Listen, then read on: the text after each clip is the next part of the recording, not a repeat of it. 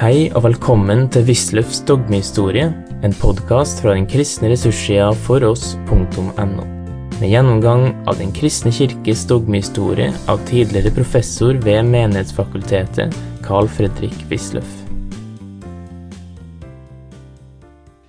Da hans hovedverk, Augustinus, ikke kom før to, efter, to år etter hans død.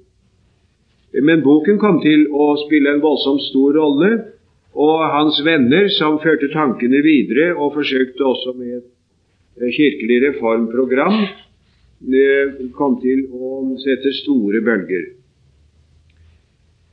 Eh, Jansen studerte Augustin. Det heter at han hadde lest alle Augustins verker ti ganger og de antipelagianske verker 30 ganger. Så han må jo ha hatt litt å gjøre den stunden dette sto på, for Augustins produksjon er som en meget omfattende.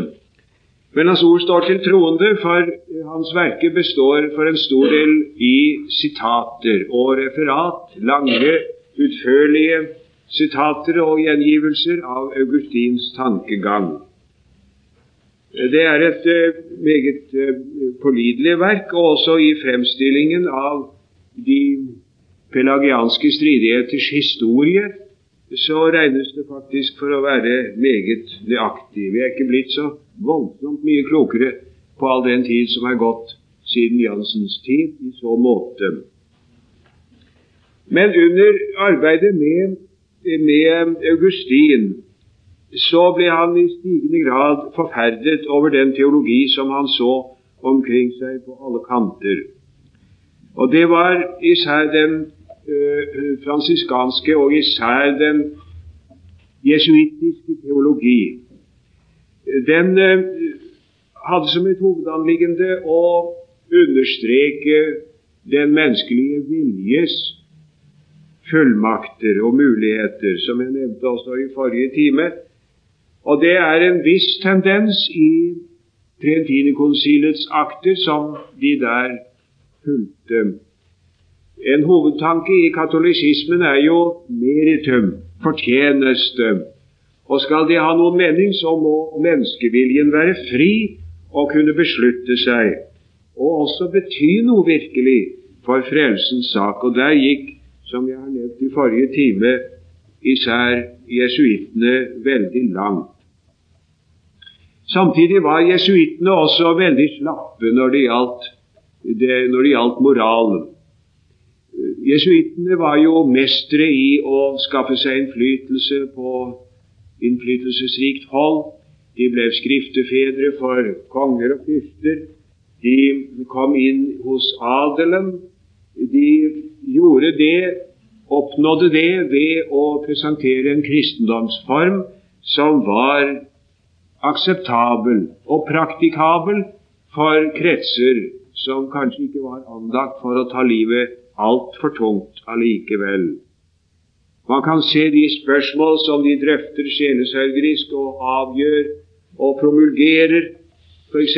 om man er skikket til å gå og nyte nattverden, altså kommunisere. Eh, om morgenen etter at man har vært på ball og danset og drukket hele natten, hvilket spørsmål uten videre svares bekreftende på. Og bøker som ble skrevet, bønnebøker, som eh, skulle koste så liten anstrengelse som mulig. En boktittel kan antyde tendensen. Paradiset åpnet ved 50 andakter til Guds moder, som ikke koster noen anstrengelse. Det var en jesuitt, bari som har prestert den boken. Paradiset åpnet ved 50 andakter til Guds moder, som ikke koster noen anstrengelse. Alt dette måtte man reagere imot når man hadde tilegnet seg Augustins alvorlige kristendomsoppfatning. Ja, syn på de teologiske hovedproblemer og også hans sterkt asketiske livsholdning. Vi vil huske at vi var inne på det. Det er jo den asketiske livsholdning som er så veldig avgjørende for Augustin. Det han omvendte seg til, la meg gjenta det, det han omvendte seg til ved den berømte anledning han i haven der Ta og les. Han leste slutten av Romerne 13. Det han omvendte seg til, var ikke kristendommen, for det var han klar over for lengst at den hadde rett. Og egentlig hadde han aldri bevisst gått ganske bort fra den heller, i sine tanker. Ikke engang som manikeer gjorde han det. Manikeismen skulle jo være en slags kristendom. Nei, det var det asketiske livsideal han omvendte seg til. Eh, leve ugift. Skulle man for alvor være kristen, så kunne et åndsmenneske ikke leve i ekteskap. Om slike ting sto dem. Og den som da har levet seg inn i Augustins alvorlige kristendomsoppfatning og asketiske livsholdning, kunne jo ikke annet enn reagere imot denne jesuitiske lettsindighet som han så på alle kanter. Og Jansen han har veldig kraft i eh, sin røst. Han støter i basunen så det har skikk. Og anklager både Molina og Lessius og Vasques og Bellarmin og Suárez og hva alle samtidens store teologer het, autoriteter, for semipelagianisme. Ja, kanskje var det ikke engang såpass bra han finner bedre tanker om Gud hos Platon, sier han et sted, enn hos disse teologene. La oss da i korthet se på Jansens teologiske grunnsyn. Nøkkelen er hans syn på arvesynden. Det er der, som hos Vajus, at han fornyer det augustinske begrep om arvesynden. Arvesynden er concupiscentia Der kom det en e for mye. Concupiscentia cum suo reatu. Den onde lyst og den anklagestand, den skyldighet som kommer over en på grunn av den onde lyst. Reatus betyr anklagestand eller skyldighet. Det å være skyldig. Eh, det er den onde lyst som egentlig er arvesynden. Det er eh, stadig på ny, sier jeg, kommer dette syn opp igjen og opp igjen i Kirken. I den lutherske kirke har det jo i høy grad eh, preget hele oppfatningen av hva kristendom er. Et meget alvorlig, realistisk, bibelsk syn på menneskenaturens dype forderv. Det er ikke bare det at man ikke har den sanne, opprinnelige paradisiske justitia. Det er ikke bare privatio justitia originalis. Å nei, det er mye mer alvorlig enn som så. Man har, er født med denne onde lyst som Gud hater, og for hvis skyld Gud ser oss skyldige. Og det, denne donum super additum som eh, skolastikerne regnet med, den forkaster Jansen da på det aller strengeste. De, det donum super additum var ordet som man formet i, i skolastikerne. Gud skapte altså mennesket, og så føyet han til sin helliggjørende nåde som et tillegg. Og uh, arvesynden består i at dette er mistet. Er der ikke lenger.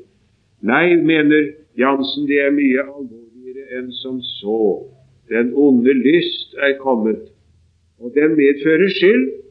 Og på det punkt går Jansen eh, til eh, veis ende rent eh, logisk og sier at udøpte barn går fortapt. Så disse jansenistene de lærer og mener det som lutheranerne usanselig beskyldes for å mene ut ifra Augustana 2 og 9, nemlig å lære at udøpte barn går fortapt, hvilket dog ikke er tilfellet som jeg har vært inne på før.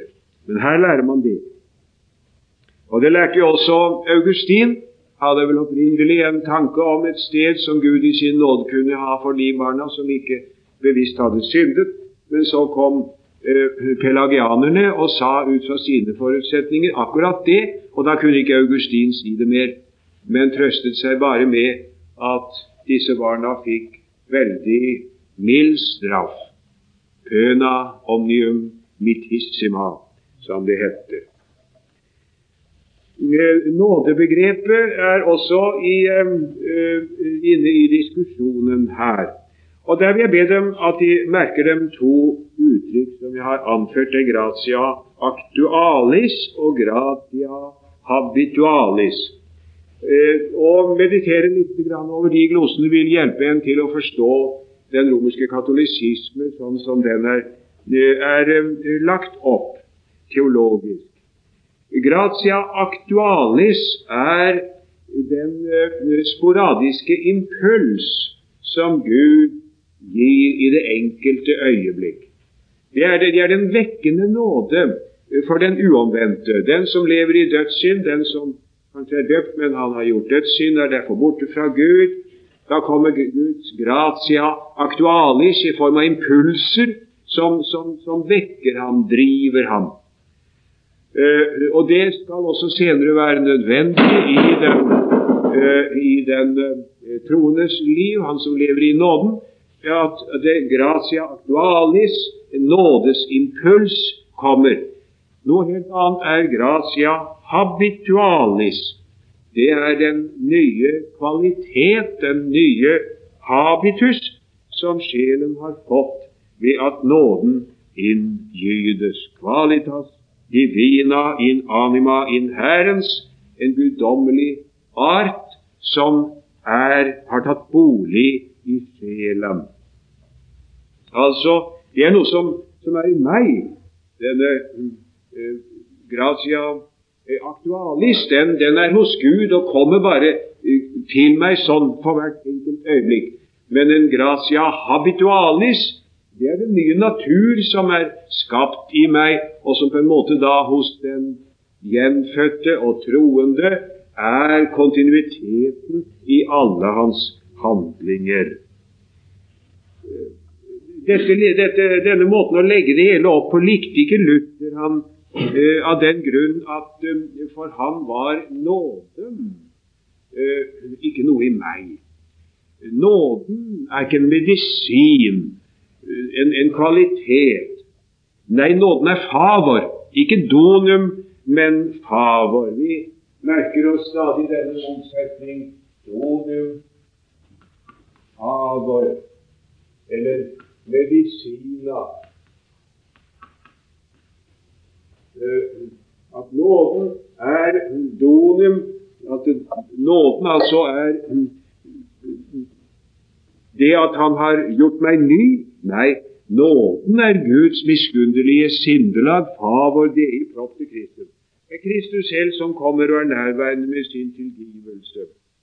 Men Jansen protesterte også imot denne læren om en gratia habitualis, og sa det at Nåden er en innvirkning av Gud selv for hvert enkelt øyeblikk.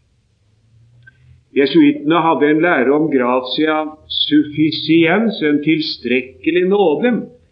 Og det var et forsøk på å tilrettelegge dette vanskelige eh, teologiske problem, som jo i grunnen alle strir med til alle tider. Hvordan kan den menneskelige ansvarlighet forenes med tanken på at frelsen er av bare nåde. Ikke noe lett problem. Det som heter troens valg, hva med det? Vanskelig sak, det, å, å, å bli klar over. Men eh, jesuittene de hadde løst det da på den måten at de talte om en tilstrekkelig nåde. Det vil si en, en, en innvirkning av Gud som på en måte stillet sjelen på et nullpunkt, sånn at nå kunne han velge. Nei, det kunne Jansen aldri gå med på, for han lærte jo predestinasjon. Når et menneske kommer dit hen at han vil, da er han allerede et Guds barn. Og det er Gud som da har virkeliggjort sin utvelgelse som han har fattet hos seg selv fra evighet i hans hjerte. Gud virker ikke bare at vi kan, men også at vi vil. Gud stiller oss ikke bare i et nullpunkt hvor jeg nå kan si ja hvis jeg vil det, og nei hvis jeg vil det, men han virker i meg både å ville og å virke, som Jansen sier med et Paulus-sitat. det vil ikke si at han opphever tanken om viljens frihet. Og Her finner vi akkurat den samme, nesten paradoksale tankegang som hos Augustin. Augustin er jo voluntarist. Er den stadige motsetning i kirkehistorien mellom intellektualister og voluntarister. Og der står jo Augustinus fremst i rekken iblant voluntaristene. Det er viljen som han alltid har sitt blikk på. Det er viljen som frigjør eller feller, om vi nå skulle tillate oss sitat fra en norsk dikter. Men blir ikke det veldig selvmotsigende, spør vi da uvilkårlig, enten vi nå tenker på Augustinus eller på Jansen, et menneske som lærer predestinasjon, til og med dobbel predestinasjon, hvilken rolle spiller i et sånt system overhodet viljen? Jo, eh, Jansen følger også her Augustinus eh, ganske nøyaktig, og sier som så at det vi vil, det vil vi aldri nødt og tvunget. En må skjelne mellom necessitas og coactio. Det er falt ut en C i den ordet coactio, punkt 13 på side 177. Coactio skal det jo stå. Eh, tvang. Eh, og necessitas betyr nødvendighet. Altså, viljen er alltid fri i sine enkelte akter. Når jeg vil noe, så er det fordi jeg vil noe. Jeg vil aldri noe slavepisket. Det er dårlig psykologi, og det er dårlig bibelteologi, det mener både Augustin og Jansen. Men sånn at eh, mine enkelte handlinger er alltid spontane viljeshandlinger. Og uh, tvinger jeg meg, så er viljen ikke med. Det er jo helt opplagt. Da er det som vi sier, jeg handler mot min vilje. Viljen kan ingen tvinge. Det er helt umulig. Eh, men eh, sånn at den er alltid fri i sine enkelte spontane akter. Men viljens grunnretning, den er ikke fri. Jeg er underlagt en necessitas. Viljen er ikke underlagt noen coactio, men den er underlagt en necessitas den som er et Adams barn og ikke har nåden, ikke lever eh, i samfunn med Guds hellige ånd, han eh, vil med nødvendighet det som svarer til hans onde natur. Eh, det er necessitas. Det er grunnretningen. Og senere vil han altså faktisk spontant eh, og av egen drift alt det som svarer til det onde. Kjemper han med sine drifter?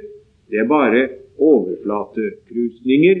Viljens grunnretning kan ingen endre. Det kan bare Guds ånd. Og det sier Jansen med de samme ord og tanker som hos Augustinus.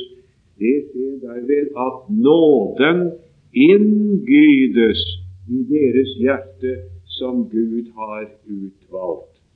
Infus gratia infusa. Den inngydes sånn at caritas, kjærligheten, etter hvert fortrenger concupiscentia. Aldri fullkommen så lenge jeg er i verden, men dog mer og mer og mer. Eh, det er, det er nåden. Og dette gjør da Gud hos dem som Han har utvalgt dertil. Det er Jansens fulle overbevisning ut ifra Augustin at det eneste bibelske er å forestille seg en dobbelt predestinasjon. Uh, Gud har bestemt hvem som skal bli frelst, og hvem som skal gå fortapt. De som han har utvalgt til evig liv, dem uh, gir han sin nåde, og den er uimotståelig. Og den driver da etter hvert den onde lyst ut og erstatter den i hjertet med caritas, med kjærlighet. Og de som, det som Den som Ja, der, der er det skal vi se, 14 annen linje der. Den som ikke er slik er. Den som ikke av Gud får donum perseverantia, går evig fortapt. Utholdenhetens gave det er jo det samme uttrykk som eh, Calvin brukte. Og der er en merkelig sak, for, eh, for eh, der ser vi hvordan Augustin altså på en måte bygger en bro. Jansen hadde lest Gomarius. Gomarius, det var jo den store reformerte stridsteolog som sto imot Episkopius og Arminius, vil de huske, og hvis tanker spilte så stor og avgjørende rolle på synoden i Dordrecht, den viktigste reformerte synoden. Konsekvent kalvinist. Han hadde Jansen lest og syntes mye om den form han hadde gitt predestinasjonslæren. Rimelig nok, for de er augustinere i så måte, begge to. Men samtidig er det helt på det rene at de mener ikke akkurat det samme når de sier nåde. Det vil de allerede ha merket, i og med at jeg gjengir Jansens tankegang med dette gratia infusa. Nåden innbydes. Da er nåden egentlig et noe. Den er en kraft, en impuls, eh, en, eh, en, eh, vel, en medisin. Og der er der, det, der har vi atter et vannskille, for uh, det nådebegrep er ikke evangelisk. Det hadde ikke Luther, det hadde ikke Calvin heller, hva det angår. Nåden, hva er favor hos disse? Det er en fornyelse av det paulinske nådebegrep, ifølge hvilken jo nåden egentlig er noe som bor i Guds hjerte Nåden er dette at Gud er meg huld og kjærlig for Jesus skyld, som jeg har satt min lit til. Man anklaget fra jesuittisk hold eh, jansenistene for å lære som Calvin, eh, men det er altså bare delvis tilfellet. Predestinasjonslæren kan ha mange drag som minner, men fordi nådelæren er annerledes, så blir resultatet til syvende og sist også forskjellig. Og det er sikkert nok at jansenistene var ikke ø, evangeliske, de var ikke reformerte kristne og hadde ikke på noen måte noe sympati med, med hugenottene i, i Frankrike. Absolutt ikke. Du må jo vite at det er her ut igjennom på 1600-tallet at det stadig er glidninger og vanskeligheter um, i, i Frankrike. Og gradvis går det nedover og atter nedover med, de, med hugenottenes um, religiøse rettigheter. 1598 der er jo den antiske dikt, som Henrik 4 som hadde vært evangelisk en tid, men som sa Paris er vel en messeverd, ikke sant, og gikk over til katolisismen, men etterpå allikevel tilsikret sine tidligere trosfedre lantiske dikt gikk forbausende langt i retning av å gi dem rettigheter. Nådesediktet i Nim i 1529, det var lite nåde i det ediktet. Der strammes det veldig til.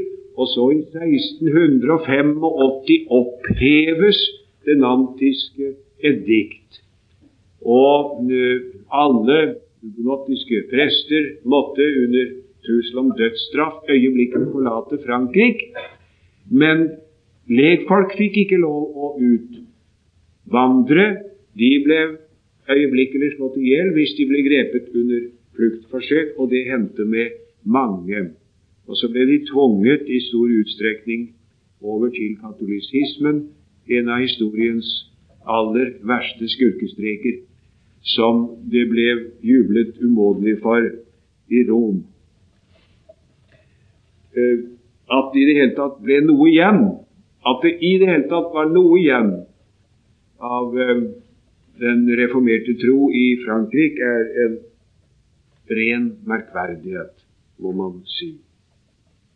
Og i den striden var, eh, som altså pågår ut igjennom, er jansenistene ikke å finne på hugenottenes side. Absolutt ikke. De har ingen som helst sympati for dem. Ja, Det som jeg har anført litt om der øverst på side 178, har jeg allerede nevnt, for så vidt. Det er denne med voluntarister og intellektualister. Jesuittene de så viljesfriheten som en evne hos fornuften til å velge det en mener er rett.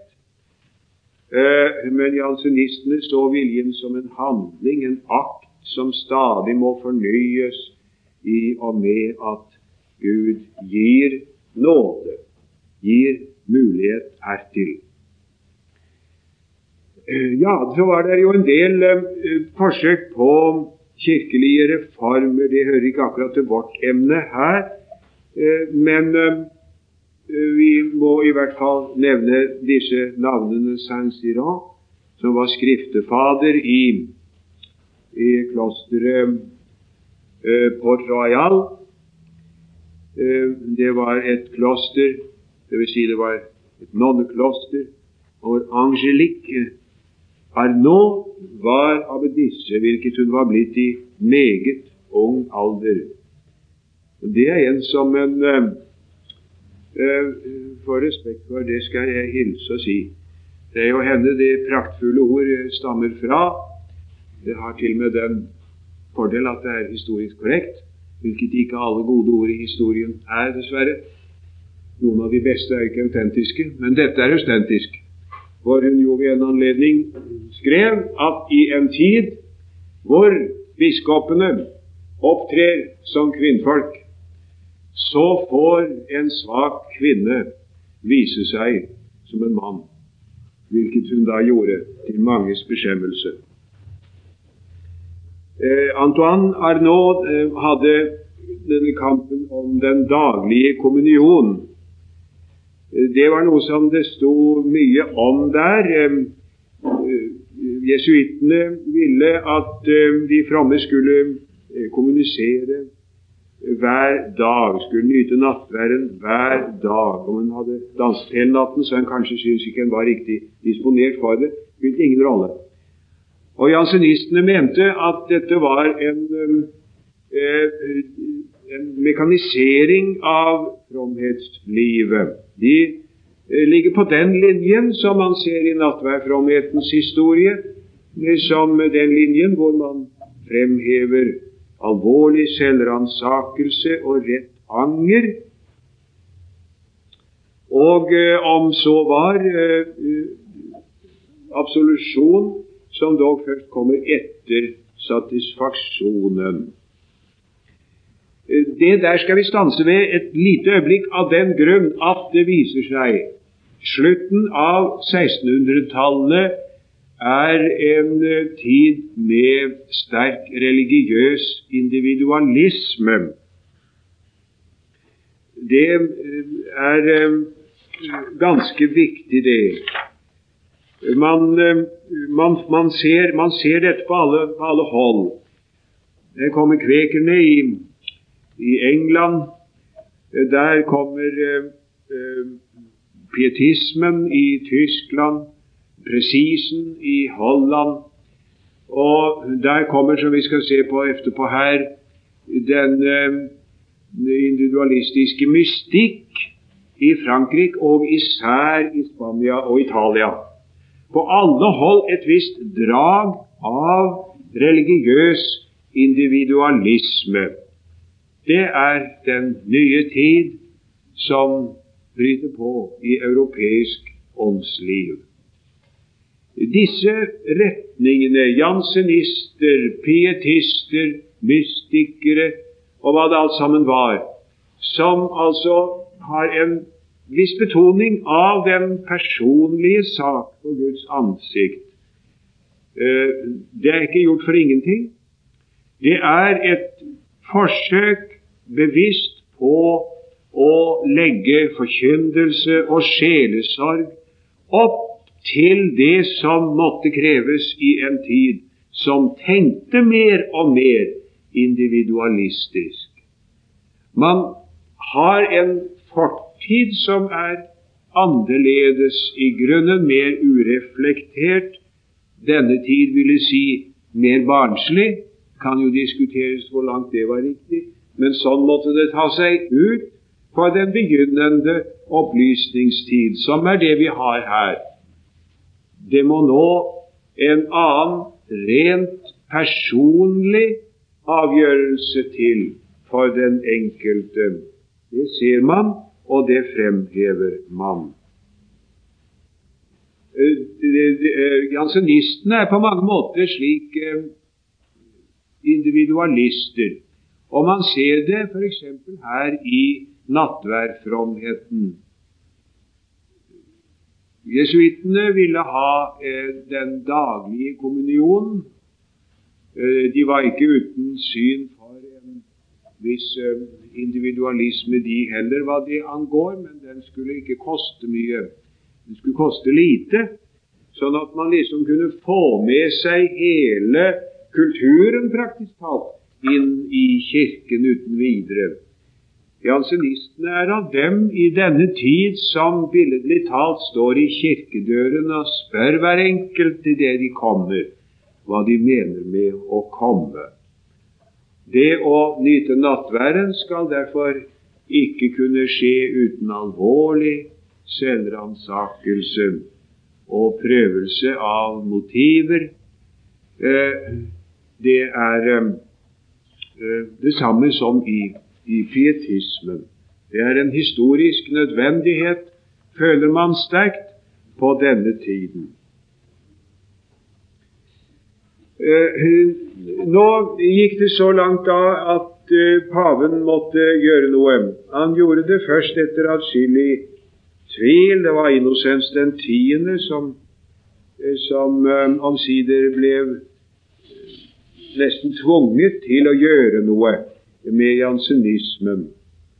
Han var ikke så altfor innstilt på det til å begynne med, men, eh, men, han gjorde det da.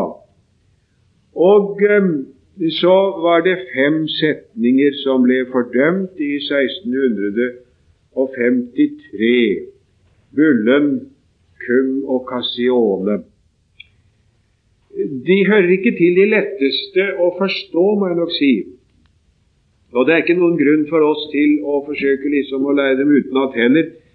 Eh, la oss allikevel se på dem og forsøke å finne ut hva det hele dreier seg om. Noen av Guds bud er umulige å oppfylle for folk, selv om de forsøker og vil. De har ikke den nåde som gjør det mulig å holde disse bud. Det skulle altså være Jansens, eh, en Jansen setning, det da. En typisk setning. Han skulle ha uttalt det, og det måtte man ikke si, mener Pav. I den falne naturs stand kan man ikke motstå den indre nåde. Det går selvfølgelig på gratia irresistibilis. Det er predestinasjonslæren som kommer frem der. For å ha fortjeneste eller skyld i den falne naturs stand er det ikke nødvendig med frihet fra nødvendighet, frihet fra tvang, koaktio, det er alltid falt ut en C, er tilstrekkelig. Ehm, semipelagianerne innrømmet at den forekommende nåde, gratia preveniens, var nødvendig til de enkelte akt kjetter også til troens begynnelse. Deres kjetterie bestod i at de mente nåden var slik at mennesket kunne stå imot den og bøye seg for den. Eller bøye seg for den, burde vi ha skrevet da. Eller bøye seg for den. Det er semipelagianisme å si at Kristus er død for alle, og at hans blod er utgitt for alle. Vel, eh, de, de, de, er, ikke så helt gode å få tak i, men, eh, men det er jo klart nok hva det sånn i det store og hele går på allikevel. Eh, den første setningen vil si at endog sedelig høytstående mennesker ikke av seg selv kan yte tro, håp og kjærlighet. Det er altså en antijesuittisk setning, da.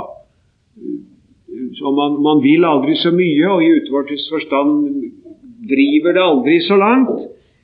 Eh, så kan man ikke prestere de som han kalte de teologiske dyder, tro, håp og kjærlighet. Man kan ikke man kan ikke makte det. Det kan bare Guds nåde makte, er meningen å si.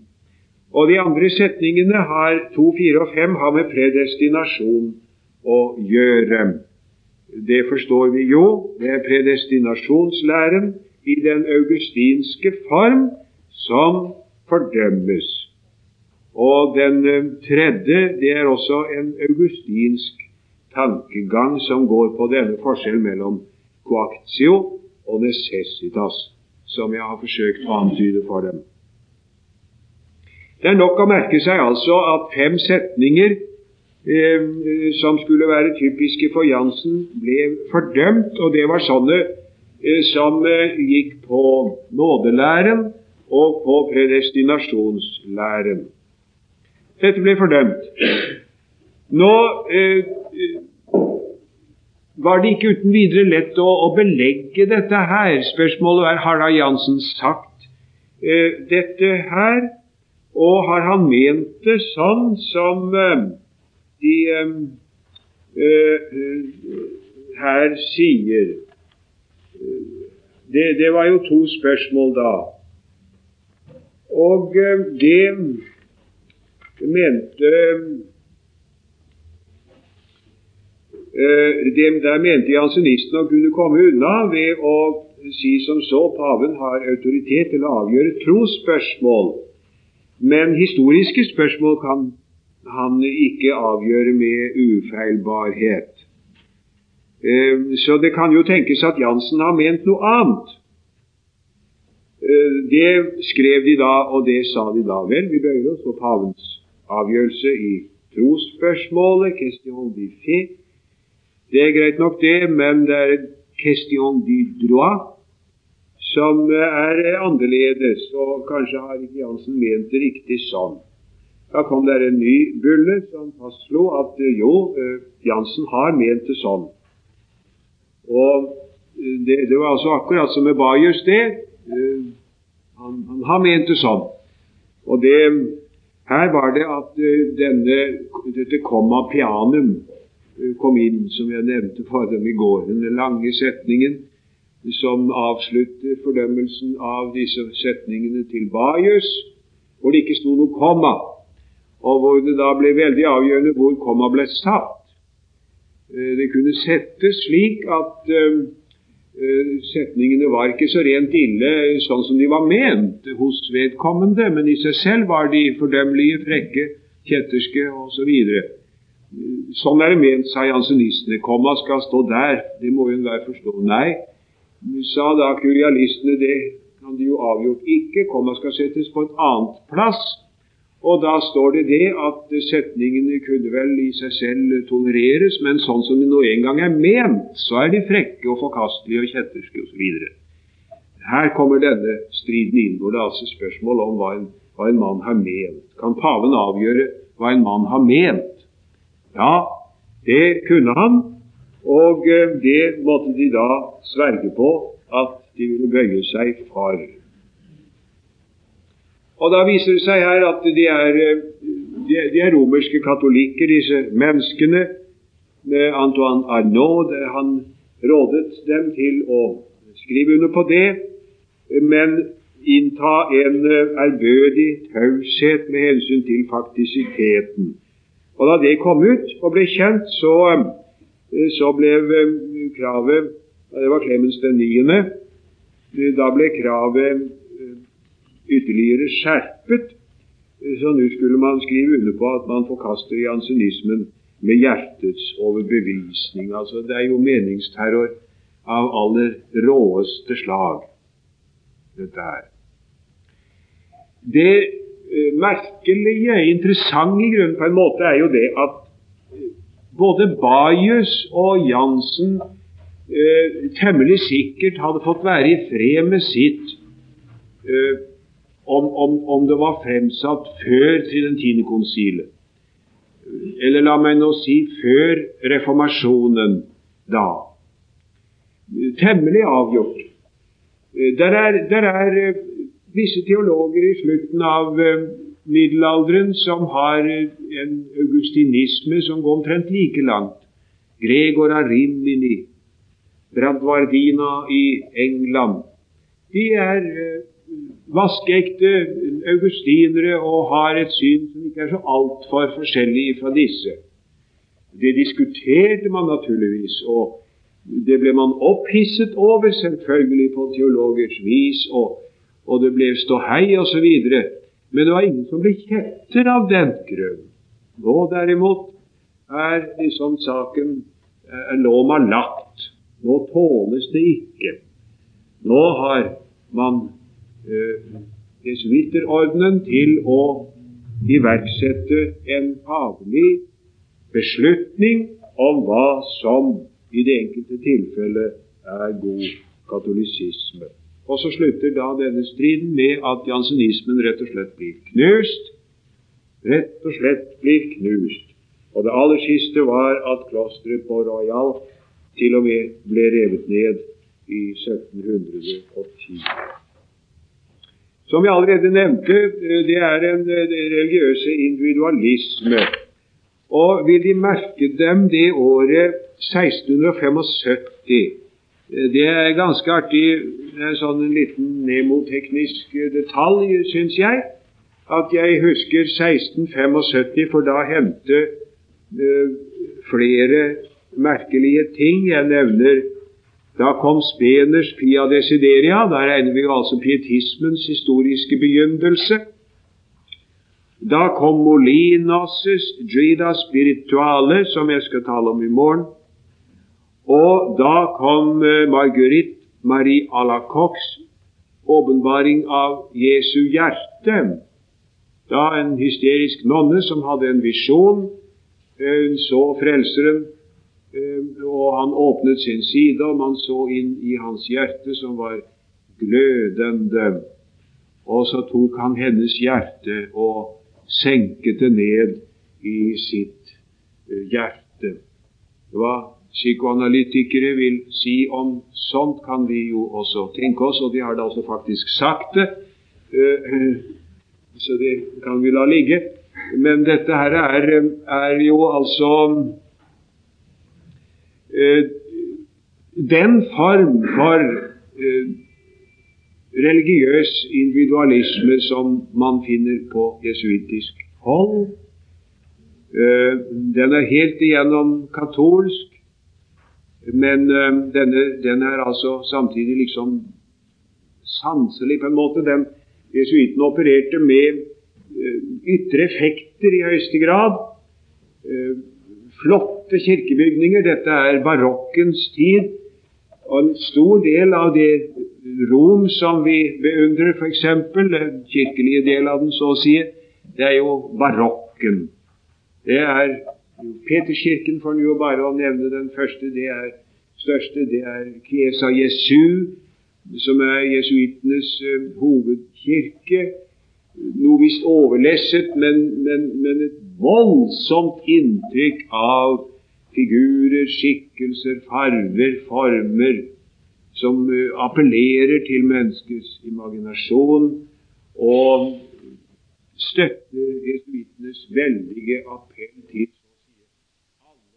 å hylle Kirken. Men altså 1675 et limoteknisk poeng med det året. Du har nå hørt Wisløffs dogmehistorie. Finn flere ressurser og vær gjerne med å støtte oss på foross.no. Følg også gjerne noen av våre andre podkaster, f.eks. Table Talks.